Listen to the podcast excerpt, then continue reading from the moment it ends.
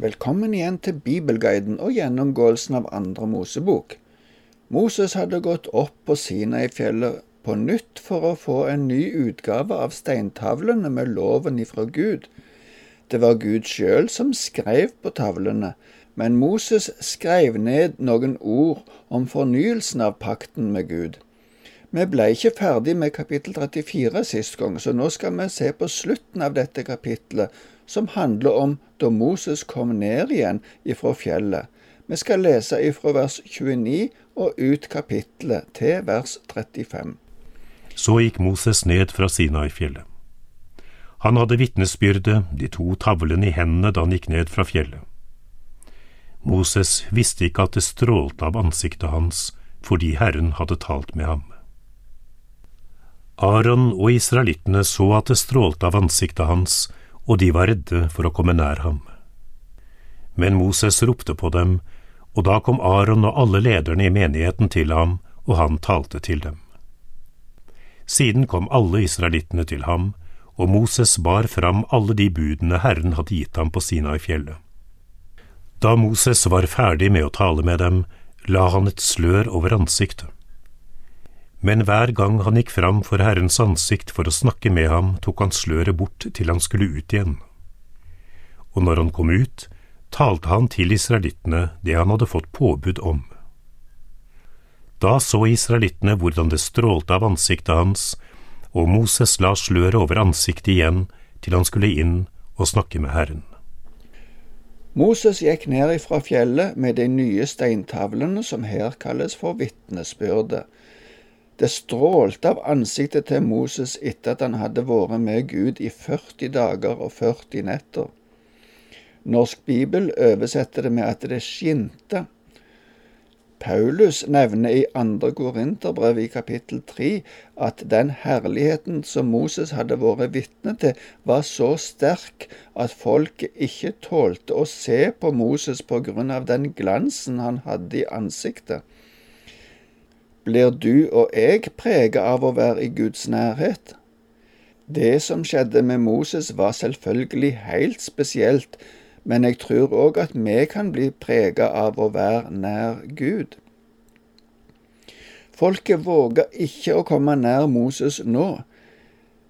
Det de hadde opplevd før, ga de nok en grunn til å være forsiktige, men Moses prøvde å dempe frykten ved å rope på dem og vise at han hadde fått nye steintavler. Det at han bar fram buda, var nok både at han synlig viste steintavlene, og at han forkynte det Gud hadde sagt til han. På grunn av at folket opplevde at det var skremmende å se glansen ifra ansiktet til Moses, la han et dekke dekke over ansiktet, men Moses hadde stadig møter med Gud i det teltet som vi snakket om tidligere, i kapittel 33, og som sto utenfor leiren. Her tok Moses av seg dekket, og dermed ble glansen i ansiktet forsterka. Og når Moses talte til folket, tok han dekket av, slik at de skulle se glansen.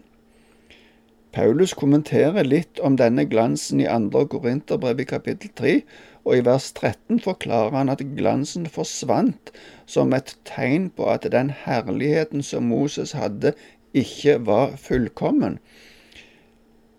Det vi har i Det nye testamentet, er mye herligere. Vi går over til kapittel 35 og leser først de første tre versene der. Moses samlet hele Israels menighet og sa til dem, dette er det Herren har befalt dere å gjøre. I seks dager kan det arbeides, men den sjuende dagen skal være hellig for dere. Den skal være en sabbat, en hviledag for Herren. Hver den som gjør noe arbeid på den skal dø. Dere skal ikke tenne opp ild i noen av bosetningene deres på sabbatsdagen. Hovedundervisningen om sabbatsbudet ble gitt i forbindelse med at budet ble gitt i kapittel 20, og det ble sagt litt mer om dette i kapittel 31. Her blir det bare understreket på nytt.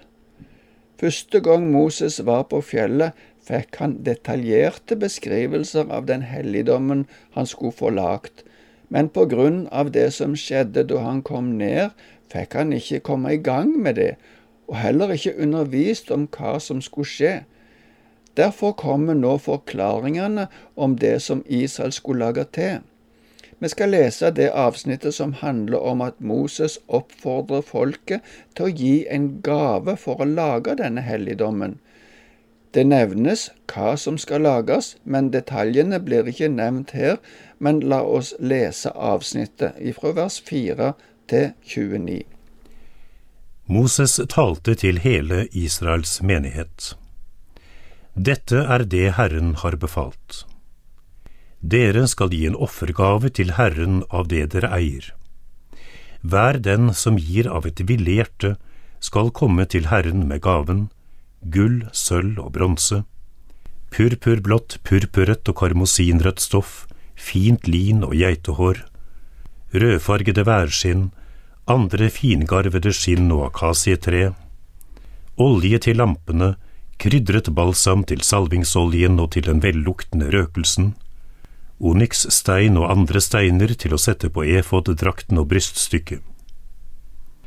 Alle blant dere som har visdom i hjertet, skal komme og lage alt det Herren har befalt.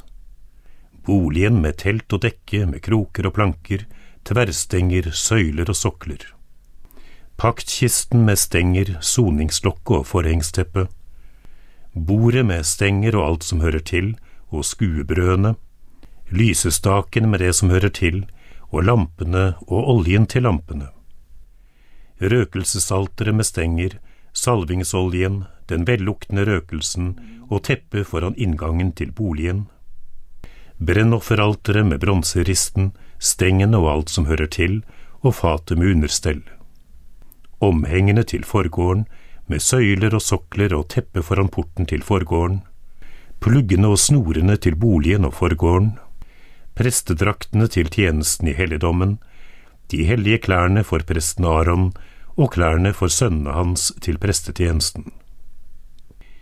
Så gikk hele Israels menighet bort fra Moses. Og alle som kjente seg drevet til det og hadde en villig ånd, kom fram med offergaver til Herren. Gavene skulle brukes til arbeidet på telthelligdommen og all tjenesten der, og til de hellige klærne. De kom, både menn og kvinner. Alle som hadde et villig hjerte, kom med neseringer, øreringer, fingerringer og smykkesteiner, alle slags smykker av gull. Alle de som ville bære fram et svingeoffer av gull til Herren, kom fram hver den som hadde purpurblått, purpurrødt og karmosinrødt stoff, fint lin og geitehår, rødfargede værskinn og andre fingarvede skinn, kom med det. Alle som ville gi en offergave av sølv eller bronse, kom med gaven til Herren, og alle som hadde akasietre, kom med det til byggearbeidet. Hver kvinne som hadde visdom i hjertet til å spinne, kom med det hun hadde spunnet i purpurblått, purpurrødt og karmosinrødt garn og fint lin. Og alle kvinner som kjente seg drevet og hadde visdom til det, spant garn av geitehår. Lederne kom med onykssteiner og andre steiner til å sette på efoddrakten og bryststykket, og krydret balsam og olje til lampene, til salvingsoljen og den velluktende røkelsen. Hver mann og kvinne som gav et villig hjerte, kom fram for å bidra til det arbeidet som Herren gjennom Moses hadde befalt dem å gjøre. Slik bar israelittene fram en frivillig offergave til Herren. Det var ganske mye som skulle lages, så det var mye som trengtes til dette arbeidet. Men det blir understreket at de skulle gi av et villig hjerte. Moses la saken fram i samsvar med det Herren hadde befalt han. I vers 10 oppfordrer Moses de som har visdom i hjertet til å komme og lage de tingene som han hadde nevnt. I norsk bibel oversettes det med at de som forstår seg på kunst, skulle komme. Tidligere har vi sett at det var to navngitte personer som skulle utføre arbeidet, men det var nok at de var ledere for arbeidet. Det var et så stort arbeid at det trengtes mye folk, og alle som hadde kunstnergaver, ble oppfordret til å være med på dette arbeidet. De tingene som skulle lages, ble òg ramsa opp i det som vi leste og det er tydelig at det var behov for mye folk og ganske lang tid for å få lagt alt dette. Det vi ser i denne teksten må ha vært en imponerende innsamlingsaksjon. Det spørs om det er noe i seinere tider som kan sammenlignes med dette. Nøkkelen til denne store innsamlingen var at hjertene var beveget til å komme med gaver til Gud og til helligdommen. Alle som hadde en villig ånd, står det. De kom med mange forskjellige gaver, og det var rikelige og praktfulle gaver. Vi ser at både kvinner og menn var med i den store innsamlingsaksjonen. Til slutt måtte de få beskjed om at de måtte slutte med å komme med gaver. Det ser vi i det neste kapitlet. Slik vi ellers opplever teksten i Det gamle testamentet, er det lite fokus på kvinnene sin tjeneste, men vi ser her, i vers 25 f.eks., at hver kvinne som hadde visdom i hjertet, eller som det står i Norsk bibel, hver kvinne som forsto seg på kunst, fikk oppgaver til å spinne og veve og forskjellige andre oppgaver. I vers 29 står det igjen at hver mann og hver kvinne som ga av et villig hjerte, kom fram for å bidra i arbeidet. I kristne sammenhenger i vår tid er det ofte vanskelig å rekruttere både gaver og personer i tjenesten i Guds rike, og vi kan spørre hva som kan være årsaken til det. Hvorfor sliter svært mange kristne virksomheter med å få nok inntekter til de oppgavene som de ser så stort behov for? Kan det være at vi mangler det villige hjertet som denne teksten understreker så tydelig? Hva kan så være muligheten til å motivere til å få et villig hjerte? Kanskje ett moment kan være at vi ikke ser nok på den store frelsen som vi har fått del i. Kanskje vi ikke tenker på gudstjenesten og gaver til denne som vår anledning til å takke Gud for Hans store gaver til oss. Disse tankene kan du ta med deg videre. Vi må slutte for i dag. Herren være med deg.